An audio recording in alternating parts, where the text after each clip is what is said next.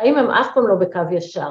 תמיד יש לך עליות ומורדות, עליות ומורדות, גם כשזה גרף עולה, הגרף העולה הוא בעליות וירידות, כמעט של כל דבר בחיים.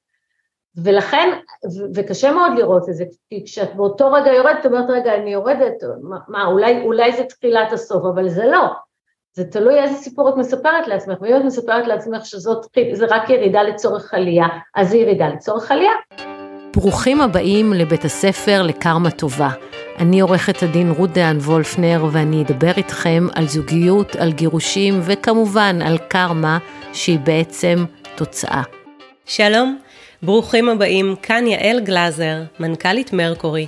אני שמחה במיוחד לארח היום את רות דיין וולפנר, עורכת דין מומחית בדיני משפחה וירושה, סופרת, בלוגרית, מטפסת הרים, רצה מרתונים, והיריעה קצרה מכדי להרחיב על כל הדברים המדהימים שאת עושה.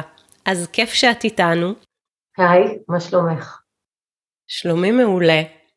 נפגשנו לפני כמה חודשים אצלך במשרדים, ונכנסתי ככה וראיתי אה, משרדים אה, יפהפיים וכמות אה, גדולה של חללים ועוד הרבה אנשים שעובדים איתך, אבל ככה תוך כדי שקראתי את אחד הפוסטים שלך, אחרי ההשקה של הספר השני וחצי מיליון האזנות שחגגת לפודקאסט שלך, אני יודעת שההתחלה לא הייתה כזאת מנצנצת, כזאת מצליחה. אז אני רוצה רגע לחזור ממש ממש ממש להתחלה. איך אה, מגיעה הידיעה הזו שאת הולכת להיות עורכת דין? Um, אני חושבת שבגיל 16 כבר um, ידעתי שאני רוצה להיות עורכת דין, הייתי כזאת ילדה לוחמת צדק. היה לי מאוד ברור שאני עורכת דין. החלום הזה קיבל איזשהו uh, טוויסט כש... בצבא, בזמנו לא היו מכללות, דיברת לך לפני 30 שנה, והיה מאוד מאוד קשה להתקבל אה, לאוניברסיטה, וכל אלה שלא התקבלו אז אה, נסו ללמוד באנגליה.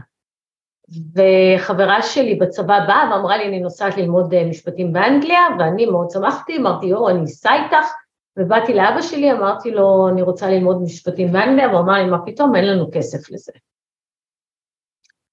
ואז אה, הבנתי שלא לא יהיה משפטים, והלכתי ללמוד קרימינולוגיה. הייתי בת עשרים, לא, לא נסעתי לטיול אחרי צבא, אפילו הקדמתי שחרור בחודש בשביל שאני אוכל להיכנס לשנת הלימודים האקדמאית, ולמדתי שלוש שנים אה, קרימינולוגיה בבר אילן, אה, שזה היה כאילו קצת דומה למשפטים, אבל בשנה השלישית אמרתי, רגע, מה, אני רק בת 22, החברה הכי טובה שלי מהתואר הלכה לעבוד במשטרה, ואמרתי, לא, לא, לא, לא, לא, אני רוצה להיות עורכת דין, אני לא הולכת לוותר על החלום הזה. ואז עשיתי עוד פעם אה, פסיכומטרי, אה, פסיכומטרי הראשון למדתי אליו תוך כדי שמירת ש"ג בצבא, אז אה, לא היה מזהיר, עשיתי עוד פעם פסיכומטרי והתקבלתי. וזה באמת היה לא ויתרתי, התחלתי בגיל 23 ללמוד משפטים, שזה גיל מאוד מאוד צעיר, אני כבר הייתי אחרי תואר אחד, אמ, וגם גם כשלמדתי עדיין לא חשבתי שאני אהיה עורכת דין של דיני משפחה, להפך.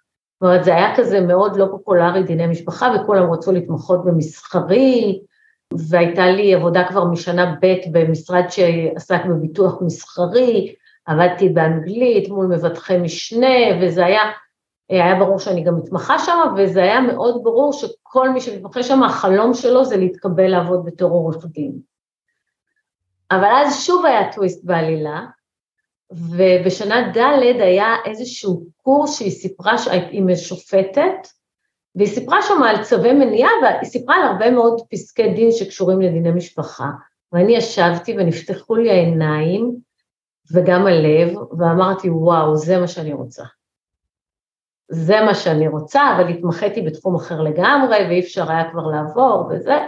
ואז אחרי הסטאז' אה, היה צריך לעבור אה, את המבחני לשכה, ולי הייתה תינוקת כבר. והיא בכתה וצרחה, היה נורא נורא קשה ללמוד. מתי את מתחתנת? באיזה, באיזה שנה? התחתנתי בסוף שנה א'. סוף שנה א'. כן, בגיל 24, ובסוף הסטאז' ילדתי, וזה, וואי, זה היה גיהנום ללמוד איתה, גיהנום, כי היא כל הזמן בכתה וצרחה והיה לה גזים, והקבוצת לימוד שלי לא הסכימה לבוא אליי, וגם הנקתי, עברתי את המבחנים בכתב, ובמבחן בעל פה שאלו אותי איזו שאלה איזוטרית שלא ידעתי, ונכשלתי, זה היה הלם, הלם, שוק, ואבל, ופשוט... את זוכרת מה שאלו אותך אגב? כן, שאלו אותי מה זה עתירה מנהלית.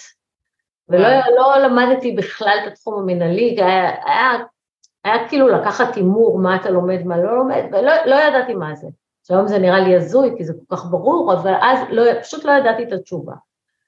ו...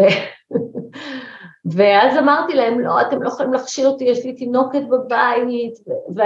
והשופטת שהייתה שם אמרה לי, לא נורא, אז תטפלי בתינוקת עוד קצת, תלמדי עוד קצת, והיא צדקה. עכשיו, מה שקרה זה שאם לא הייתי נכשלת, לא הייתי נהיית עורכת דין בדיני משפחה, שזה מטורף, כי חיכתה לי משרה ולא יכולתי להרשות לעצמי לא לעבוד, אבל ככה נאלצתי לא לעבוד. הלכתי להתנדב בנעמת, וההתנדבות הזאת נתנה לי איזשהו ניסיון או הבנה של התחום, ובזכותה אחר כך התקבלתי למשרה שבדיוק התפנתה, בדיוק בדיוק התפנתה כשסיימתי את המבחנים השניים. וגם הכרתי שם עורכת דין, שלימים נהיינו חברות, והיא שלחה לי תיקים שרק פתחתי את המשרד. קיצור, היה הרבה טוב מה, מהכישלון הזה שבזמנו נראה לי נורא ואיום. אז ככה, ככה זה התחיל. ובעצם מה קורה כשאת ניגשת בפעם השנייה? איך זה... אה, בפעם השנייה, קודם כל לא סיפרתי לאף אחד מתי זה. זה היה ב-17 לנובמבר 1997, וממש לא סיפרתי, התארגנתי, התינוקת נרדמה בדיוק בשביל לאפשר לי, הכל, הכל כאילו הסתדר, הכוכבים הסתדרו, וניגשתי לשם, שאלו אותי כמה שאלות, היה מאוד קל, הם היו עם האור פנים, הכל היה מוכרח, וזהו, עברתי, וזה היה לדעתי, אם אני לא טועה, ביום רביעי או חמישי, וביום ראשון כבר התחלתי לעבוד בתור עורכת דין שכירה. איפה התחלת לעבוד? אה, במשרד של עורך דין פסח כניר. Uh-huh.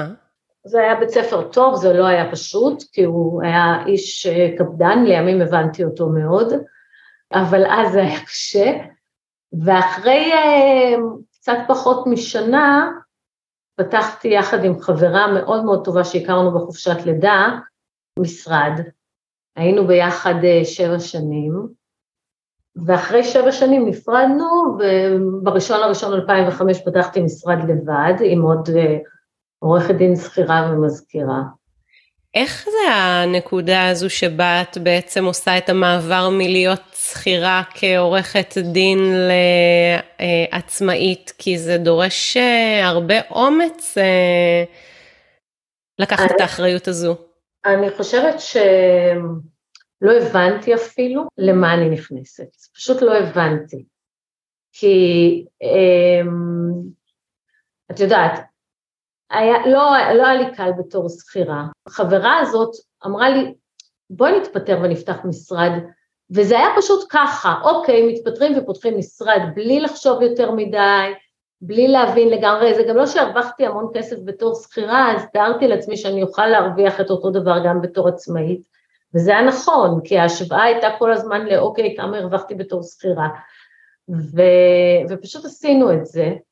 אה, שתינו היינו נשואות, לשתינו היו בעלים שכירים שהיה להם משרה יציבה וקבועה, ו, ופשוט עשינו את זה. איך מגיעים הלקוחות הראשונים? אז, אז בגלל שכשלפני התנדבתי בנעמת, אה, העורכת דין שהפנתה את התיקים, נהיינו חברות, והיא פשוט שלחה לי לקוחות. אז רוב הלקוחות הראשונים היו מנעמת, וכמובן במחירים מסובסדים, בגרושים, אבל ככה זה התחיל, היה שבע שנים ראשונות לא פשוטות בכלל, בכלל, בכלל, ומ-2005 אפשר להגיד שהיה שינוי דרמטי. מה, רגע לפני השינוי, מעניין אותי קצת לשמוע על. האתגרים האלה של השבע שנים? מהם הדברים המורכבים שאת נתקלת בהם? תשמעי, הדבר הכי מורכב בלנהל משרד זה שיהיה לך לקוחות. אז גם uh, שיגיעו לקוחות, גם התמחור של התיקים. יש שם דווקא משהו מעניין, כי בהתחלה באו אלינו לקוחות מנעמת. ונעמת נתנו איזשהו מחירון שאתה היית חייבת לעבוד לפי. ואז המחירון הזה בעצם קבע את הסטנדרט, שהוא היה סטנדרט נמוך מאוד, וכל תיק שהגיע ושילם קצת יותר מנעמת, אז הייתי מבסוטית. למרות שהיום זה כאילו, תשמעי, אני מסתכלת על זה ואני לא מאמינה, אבל זה, זה, זה היה בסדר אז בתור עורכת דין מאוד צעירה. והייתה עורכת דין אחרת, אמ, קולגה, שגם עבדה עם נעמת, ולימים היא התמנתה להיות שופטת. ויום אחד היא הודיעה לנעמת שהיא מפסיקה לעבוד איתם, ואני הייתי המומה, והתקשרתי אליה ואמרתי לה, איך את יכולה להגיד לא למקור לקוחות, זה כמו לירוק לבאר, איך את יכולה, איך את יכולה? והיא אמרה לי, תראי, יגיע יום שגם את תגידי את זה. ואז היה נראה לי לא הגיוני, אבל כמובן שהיום הזה הגיע, וגם כמובן שברבות השנים הבנתי זה שאתה, שיש לך סטנדרט מסוים ואתה משווה את כל הסטנדרט הזה, קשה מאוד לגדול. מבינה שיש לך סטנדרט שאומר, אוקיי, את לוקחת על תיק X ופתאום את לוקחת X פלוס 10, זה נראה לך וואו.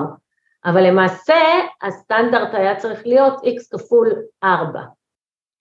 שזה מאוד מעניין בשני כיוונים מה שאת אומרת. הכיוון הראשון זה הנושא הזה של הזמן. שלכל דבר יש את הזמן שלו ויש לזה ככה זה אפשר לשזור את זה כחוט השני במה שאת מספרת גם בעניין של הכישלון בפעם הראשונה במבחנים וההצלחה בפעם השנייה. גם במקום הזה של איך את יכולה לעזוב אה, מקור לקוחות קבוע והיא אומרת לך חכי גם, גם לך יגיע הרגע הזה ואז בעצם הזמן שמגיע, אז הבשלות הזו של הדברים, לתת לדברים את הזמן שלהם ונדרשת איזושהי סבלנות. וגם המקום הזה של אה, הדבר השני שאת מדברת עליו זו בעצם איזושהי קפיצה ביכולת אה, לראות גבוה יותר, כלומר אם אני נמצאת באיזושהי נקודה נמוכה, להצליח ולראות את עצמי מטפסת למעלה, זה כמו במרתונים, נכון? או באיזה, פס... אם את מטפסת הרים אז טיפסת פסגה, אולי רק אחרי שסיימת פסגה אחת אפשר לראות את הפסגה נכון. השנייה. האמת היא שאם את רוצה להשוות את זה לטיפוס הרים, אז, אז יש לי דווקא כמה וכמה תובנות. אז קודם כל כשמתחילים, אני טיפסתי את הקלימנג'ארו, וכשמתחילים לא רואים את הפסגה. אי אפשר לראות אותה, היא הרבה מעבר לעננים, וזה טוב. כי אם אפשר היה לראות, אולי היינו נבהלים ולא יוצאים בכלל לדרך. ולמעשה כל יום את רואה רק את, ה, את, את היום שיש לך לפנייך. וגם בשביל להתרגל לגובה, אז כל, כל הזמן, כל יום עולים ואז ישנים במקום טיפה יותר נמוך בשביל להתרגל. ומאז בכל פעם שאני חווה איזושהי ירידה, אני אומרת אוקיי, זה בשביל להתרגל לגובה, כי החיים הם אף פעם לא בקו ישר. תמיד יש לך עליות ומורדות, עליות ומורדות, גם כשזה גרף עולה, הגרף העולה הוא בעליות וירידות, כמעט של כל דבר בחיים. ולכן, וקשה מאוד לראות את זה, כי כשאת באותו רגע יורדת, את אומרת, רגע, אני יורדת, מה, אולי, אולי זה תחילת הסוף, אבל זה לא. זה תלוי איזה סיפור את מספרת לעצמך, ואם את מספרת לעצמך שזאת זה רק ירידה לצורך עלייה, אז זה ירידה לצורך עלייה. אני אוהבת את זה, זה יפה, רק, כן, מתרגלים, אבל... רק מתרגלים לגובה. בדיוק, אבל זה תובנות של הרבה, אחרי הרבה שנים. כשאת נמצאת שם, אז, אז קשה לך, את, את יודעת, מאוד קשה לראות את מה הולך לבוא. מאוד קשה.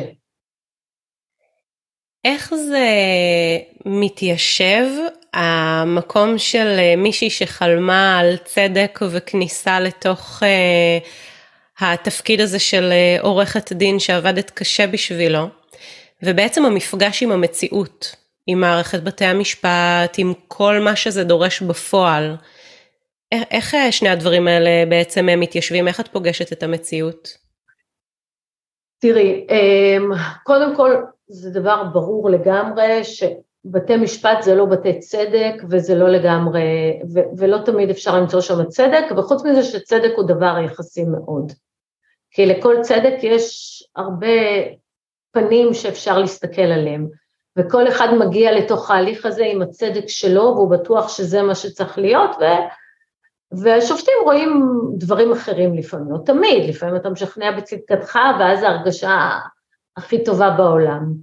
אמ, אז זה דבר אחד. דבר שני, אני חייבת להגיד לך שאני מאוד מאוד מאוד אוהבת את הליטיגציה, את הטיעון בבית משפט, את הלעמוד ולדבר ולשכנע, את ה... למצוא את הטיעונים שהם אה, כן נכונים ואת הטיעונים שהם אפילו, שעדיף לא לומר אותם, אה, שזה בעיניי אינטליגנציה משפטית, שזה דבר שהוא מתפתח.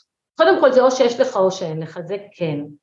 אבל גם, גם בתוך זה שיש לך את זה, זה הרבה מאוד ניסיון והרבה מאוד לדעת אה, איזה שאלה לא לשאול. לפעמים שאלה אחת יותר מדי שאתה שואל ועושה לך נזק, לדעת מה לא לשאול, לדעת מה לא לטעון. הנה, למשל אני אתן לך דוגמה, עכשיו, ממש לפני שהקלטנו את זה, הייתה לי פגישה אה, עם מישהי שרוצה להעביר אליי את התיק, ויש שם כמה נכסים שהיא טוענת להם. עכשיו, עורכי דין שלה אמרו, תתבעי הכל. ואני הסתכלתי על זה, זה תיק שהוא כבר לפני הוכחות, ואמרתי לה, זאת הייתה טעות לתבוע את הכל, כי דווקא אם תגידי את זה אני לא תובעת כי את זה הוא הפריד, אבל הנה את זה לעומת זאת הוא שיתף, יהיה לך הרבה יותר, הטיעון שלך יהיה הרבה יותר חזק מאשר להגיד הכל משותף. ו- וזה בדיוק הניואנסים האלה שאתה צריך לדעת גם מה לא לטעון. אבל בכל מקרה ההליכים בבתי משפט הם אה, מרתקים, ואני מאוד מאוד אוהבת את זה, אני ממש אוהבת אה, לעמוד ו- ולהגן על זכויות של מישהו, ודרך אגב גם בבתי הדין הרבניים, צריך לדעת איך, איך להתייחס אליהם, איך, אה, איזה טיעונים להעלות, מה הם מקבלים, מה הם לא מקבלים, אה, ממה הם מתעצבנים, וזה גם הרבה מאוד לימוד והרבה מאוד ניסיון, את יודעת, 25 שנה שעושים את זה, זה מצטבר. ספרי לי על הניצחון הראשון שלך. את. זוכרת אותו? לא. אני ממש זוכרת את זה.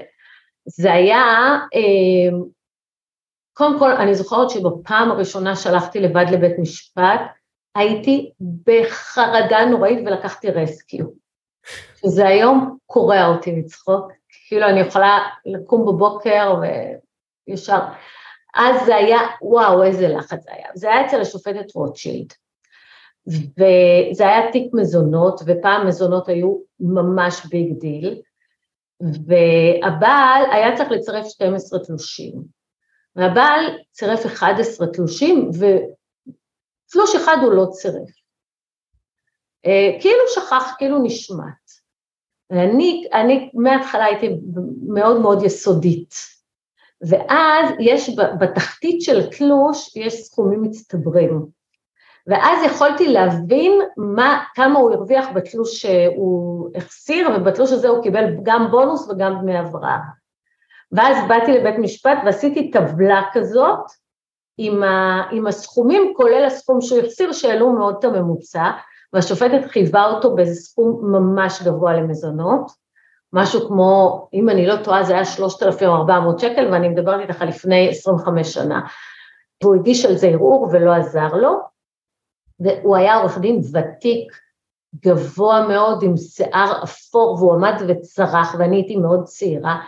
ולימים היא אמרה לי, השופטת הזאת שכבר פרשה, היא אמרה לי, אני זוכרת אותך עומדת שם והיית כל כך קטנטונת לידו, ובכל זאת טענת יותר טוב, אני מאוד זוכרת את זה. זה היה, זה היה הפעם הראשונה ככה עם הניצחון. וואי, זה, זה היה לדעתי בסוף 98. וואו. כן. הרבה מים זרמו מאז. כן, כן, הרבה מים. הילדה שבגינה רבו, לדעתי כבר היום בת אה, כמעט שלושים, וכן, זה היה, זה היה התיק הראשון, אני זוכרת אותו ממש טוב. זהו, ומאז היו מן הסתם... אה, אחרי שבע שנים כשאתן פותחות את המשרד, מה בעצם אה, מוביל אותך לצעד הבא? מה יש שם אחרי שבע שנים של שותפות שמוביל אותך לצעד הבא בקריירה? מה שקרה זה משהו די מטורף. לא, לא הצלחנו כלכלית. שנים, שנים, שנים, שנים, שלא משכנו מספיק כסף וההוצאות וזה, ואז זה היה ב, אה, בקיץ 2004, שנסעתי לחופשה משפחתית עם הילדים בצפון, וכל הזמן חווה מהבנק הייתה מתקשרת להגיד שאנחנו במינוס וצריך לקחת עוד הלוואה ועוד הלוואה, ואז פשוט קראתי את הספר אבא עשיר אבא אני. והיו בו, הספר הזה מדבר בעצם על הכנסה פסיבית, ולא היה בן אדם רחוק ממני מהדבר הזה, הכנסה פסיבית, אבל אני כן ידעתי שאני רוצה לשנות את המצב שלי. ויש שם בספר הזה הרבה מאוד תובנות על כסף, כמו להתייחס בכבוד לכסף, ושאני אומרת להתייחס בכבוד זה גם לדעת לנהל אותו, זאת אומרת שאת מתנהלת בלי קשר לחשבון הבנק שלך, ושאת לא ממש יודעת, את לא ממש מתייחסת לזה, את לא ממש מסתכלת על זה, יש לזה משמעות. אני היום שומעת אנשים, אני שואלת למשל, שבאים אליי ואני שואלת, אוקיי, מה המחזור שלך, מה הרווח שלך, אנשים לא יודעים להגיד. גם אני אז לא ידעתי. וזה בעיניי לנהל עסק בחוסר כבוד להכנסות. אתה חייב להכיר אותם, אתה חייב להבין אותם, אתה חייב להתיידד איתם, בשביל שיש שם איזו קורלציה בינך לבין ההכנסות. אה, ועוד דבר שהיה שם, הייתה אמירה שאומרת שתרומת כסף הוא סודן של המשפחות העשירות, ואם רוצים לקבל משהו צריך לתת אותו. כסף לא היה לי לתרום, אבל אני ידעתי שאני רוצה תיקים. אני, אני לא, בסך הכל מה רציתי? רציתי הכנסות, לא רציתי שפתאום אה, ייפול עליי אה, אה, כסף מהשמיים, רציתי לעבוד ולהרוויח. ואז באתי לשותפה שלי ואמרתי לה, את יודעת, אנחנו מאוד רוצות תיקים, אז בואי נתחיל להתנדב וניקח תיקי פרו בונו. והיא הייתה מאוד עמוסה בעבודה ואמרה, אין לי זמן לזה. ו... ואז אמרתי לה, טוב, אז אני אתנדב, ואני התחלתי להתנדב, וזה בעצם הוביל לאיזשהו קרע כזה שכל אחת תופסת אחרת לגמרי את החיים. אני הייתי מאוד, נכנסתי ממש חזק לכל הדבר הזה של להבין, ופתאום הבנתי שיש מלא דברים מעבר למה שאני רואה, וזה התחיל מאבא עשיר אבא אני, אבל עבר להמון המון ספרים של התפתחות אישית, ואחרי כמה חודשים הייתה החלטה להפריד כוחות, ומאותו רגע ניהלתי את המשרד כמו שאני חושבת, וזה הצליח בסופו של דבר, מעל ומעבר למשוער יש לומר, וכן, וזה התחיל מאיזושהי החלטה להתייחס בכבוד לכסף. סיפרת עד עכשיו על הדרך שהתחלת עם החלום, עם הלימודים ועל אה, הרבה מאוד תובנות שהגיעו והתובנה האחרונה שסיפרת עליה זה המקום הזה של להגיד אוקיי אני עורכת דין אני אוהבת את מה שאני עושה אבל אני גם רוצה להרוויח מזה כסף. וההבנה שלך שכדי להרוויח כסף הדבר הראשון שנדרש זה אולי לתת בתוך חוק התמורה, בתוך חוק הלתת והלקבל שהוא חוק שתחתיו אנחנו אה, נמצאים, אם אני רוצה לקבל יותר, אני צריכה לתת, זה מוביל אותך להתחיל לקחת תיקי פרו בונו, ואז גם להפרדה של השותפות, לאט לאט בגלל תפיסות עולם שונות, שזה ככה צריך להיות איזה משהו מאוד משמעותי שמנהל אותך מבפנים, כדי שההבנה הזו גם תפריד את, ה, את השותפות. מה קורה שם בצד שאחרי, כשאת מתחילה את הדרך העצמאית שלך לבד? הכל איכשהו הסתדר לי הרבה מעבר למה שחשבתי, באמת. כי, כי זה התחיל ממש ממש במקביל עם ההבנה שיש הרבה מעבר, שזה מאוד קשור לאנרגיה שלך, מאוד קשור לפוקוס, מאוד קשור גם למיקוד, להצבת מטרות, להבין איפה את נמצאת, לעשות תוכניות פעולה, עשיתי, עשיתי הרבה מאוד דברים שעד אז לא עשיתי, אה, כמו מטרות למשל. ואת יודעת, זה נראה דבר מאוד פשוט, אבל המון אנשים אין להם מטרות בעסק שלהם, ולי היו מטרות, שהיום הם, אה, את יודעת, המטרות השנתיות שלי אז זה משהו ברמה השבועית היום, אבל, אה, אבל היו מטרות. ו... ופשוט התחלתי להתנהל וכל הזמן ללמוד. כל הזמן במקביל להתפתחות המשפטית הייתה התפתחות אישית, כל הזמן עד היום. אה, אני כל הזמן לומדת ומתפתחת ומתרגלת ואני חושבת שזה מאוד מאוד חשוב לעסק שיהיה לו גם את האלמנט שהוא מעבר לאלמנט המשפטי טהור וגם, גם את יודעת, לשווק אותו, אה, נכון, זה לא בושה, לדעת להכיר את כל האלמנטים הכספיים, לדעת להבין אה, איך עסק צריך להתנהל, זה, זה הכל דברים שאת יודעת, יש כאלה שהם עורכי דין ואומרים אני עורכת דין, אני לא משווק, אני לא זה, אז אל, שלא יהיה לך עסק.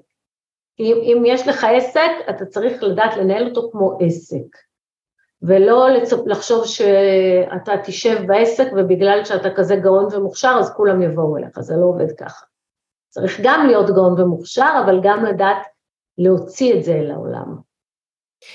ספרי לי על הנקודה שבה לאט לאט גדלה הערכה העצמית שלך או התפיסה העצמית שלך שאת יכולה להרוויח יותר, איך זה מתפתח? זה פשוט, אה, אמרתי לך, אני התחלתי, קודם כל רציתי לא להיות במינוס יותר, ואז עשיתי תוכנית עסקית, תוכנית אישית גם, כלכלית, איך לא להיות במינוס, וממש מהר מאוד זה קרה.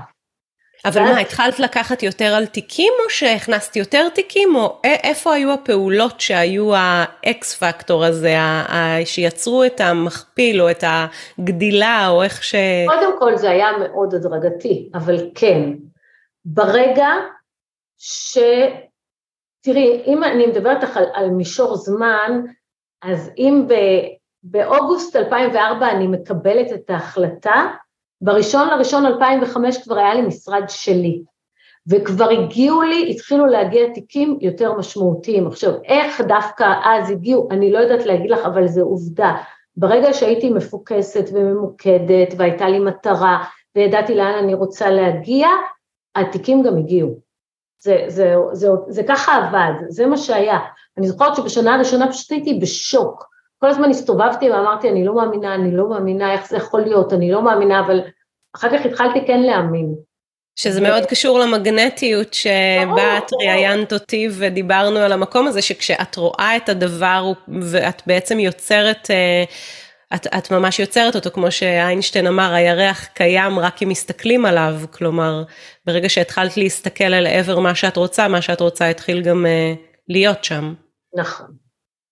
נכון, וגם את יודעת לעשות את הפעולות האלה, אמרתי להציב מטרות ושיהיה לך תוכנית ולקחת גם תיקי פרו-בונו, לא כל הזמן, תיק אחד כל פעם, אני חושבת שזה מאוד חשוב, ו, ולהתפתח אישית גם, להתפתח אישית זה משמעותי, אנשים שלא מבינים את החשיבות של לא להיות רק בתוך העסק, אלא גם לראות מעבר לזה את העולם ואת החוקים שלפיו הוא מתנהל, זה, זה, לי זה היה מאוד משמעותי. איך עשית את כל ההתפתחות העסקית הזאת לצד גידול הילדים? איך זה קורה ביחד? וואו, uh, בהתחלה, קודם כל היה לי כל הזמן עזרה של מטפלות, כל הזמן. אופריות שגרו אצלנו, זה היה ברור שאני חייבת, והאמת שבהתחלה היו לי יסורי מצפון, ואז כשהבת שלי רק נולדה, אז אה, גם אימא שלי, שהיא גידלה אותנו מאוד מאוד בבית, זאת אומרת היא עבדה אבל חצי משרה וזה, והיא אמרה לי, זה בסדר גמור, אל תוותרי על עצמך, ילדים גדלים טוב גם עם מטפלות, אז היא כאילו נתנה לי את הפרמישן הזה, וגם רופאת ילדים מקסימה, קראו לה דוקטור רות עמית, והיא אמרה לי, אה, כל, איש, כל אשת קריירה צריכה אישה בבית.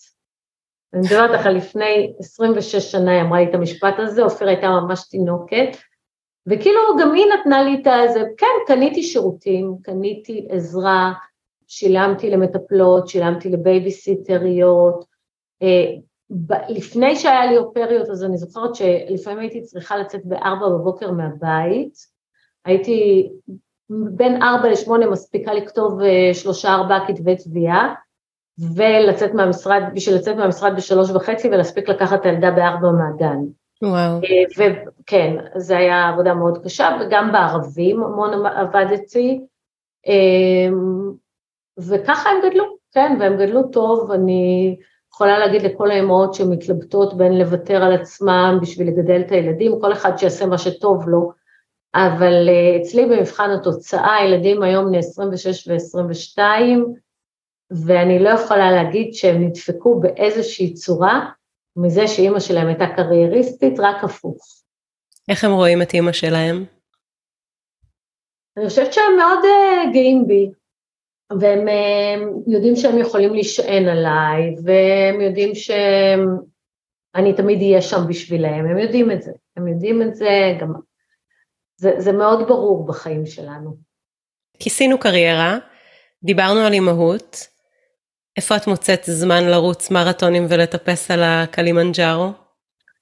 טוב, קלימנג'ארו היה רק ב-2019, בואי, לכבוד יום הולדת 50, זה לא משהו שעשיתי, זה... לרוץ התחלתי בסביבות... אה, אה אני אגיד לך מתי. אימא שלי נפטרה ב-2009.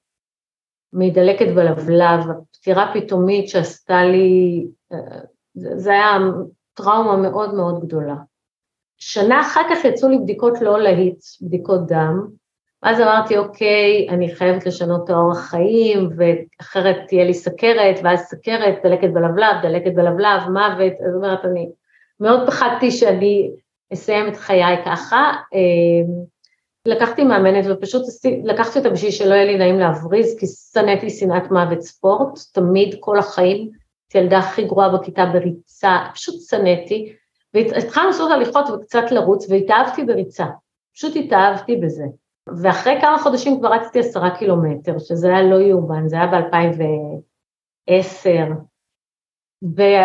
ומבחינתי להצליח לרוץ עשרה קילומטר זה היה כמו לטפס את הקימנג'ארו. ואז לאט לאט פתאום היה, אוקיי, אולי אפשר למתוח את הגבול ולעשות חצי מרתון, ובדרך אה, נפלתי וחטפתי, לא יכולתי להתאמן לזה, וזה היה... ואז החלמתי מהפציעה וחזרתי לרוץ, ועשיתי חצי מרתון, ואחרי זה פתאום, אוקיי, מרתון 2014, עשיתי מרתון, זה לאט לאט וזה מקביל להתפתחות הזאת שאתה פתאום פתאום מבינה שדברים שהיו נראים לך בלתי אפשריים הם בעצם אפשריים.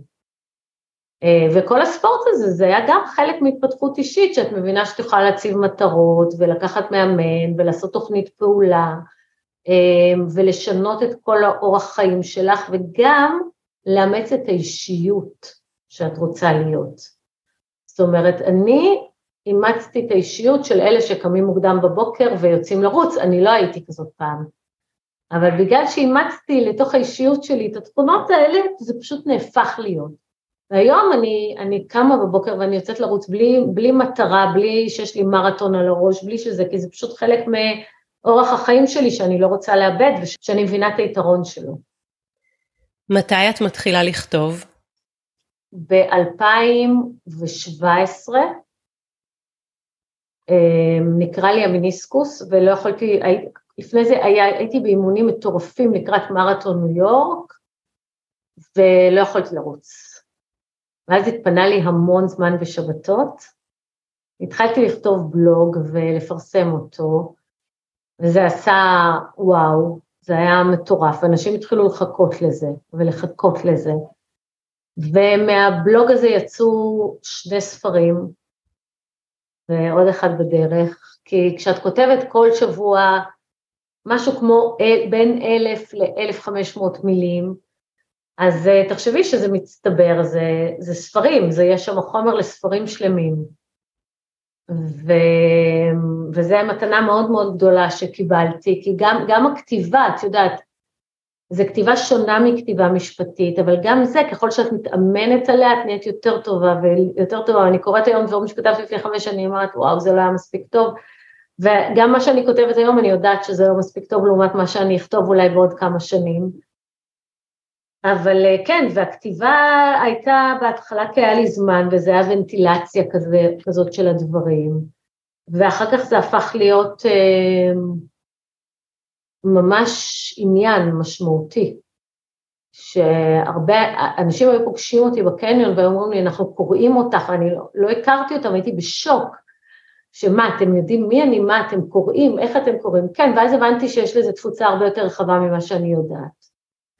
אה, והיום זה במצב שאנשים אומרים לי שאני משנה להם את החיים, וזה הרגשה מטורפת. גם זה וגם הפודקאסט שהתחיל אה, באוגוסט 21. וחגג חצי מיליון האזנות. נכון. כל מה שככה מחבר את הפודקאסט והכתיבה זה הנושא של בית הספר לקרמה. כן. ספרי לי על קרמה.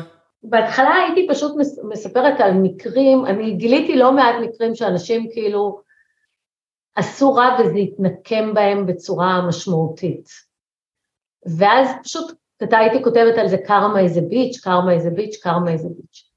ואז אחד החברים שלי אמר לי, תסתכלי מדעית מה זה. תעשי, תעשי על זה מהקטע המדעי. ואז התחלתי לחקור את זה וראיתי שיש שם מלא מלא דברים על זה, ושקרמה קודם כל זה לא גורל, זה לא זה הקרמה שלי, אלא זה תוצאה. וזו תוצאה שאתה יכול להביא לחיים שלך. זאת אומרת, זה, קרמה טובה זה בעצם התוצאות של החיים שלך, ואת יודעת שאת התוצאות אנחנו יכולים לכוון.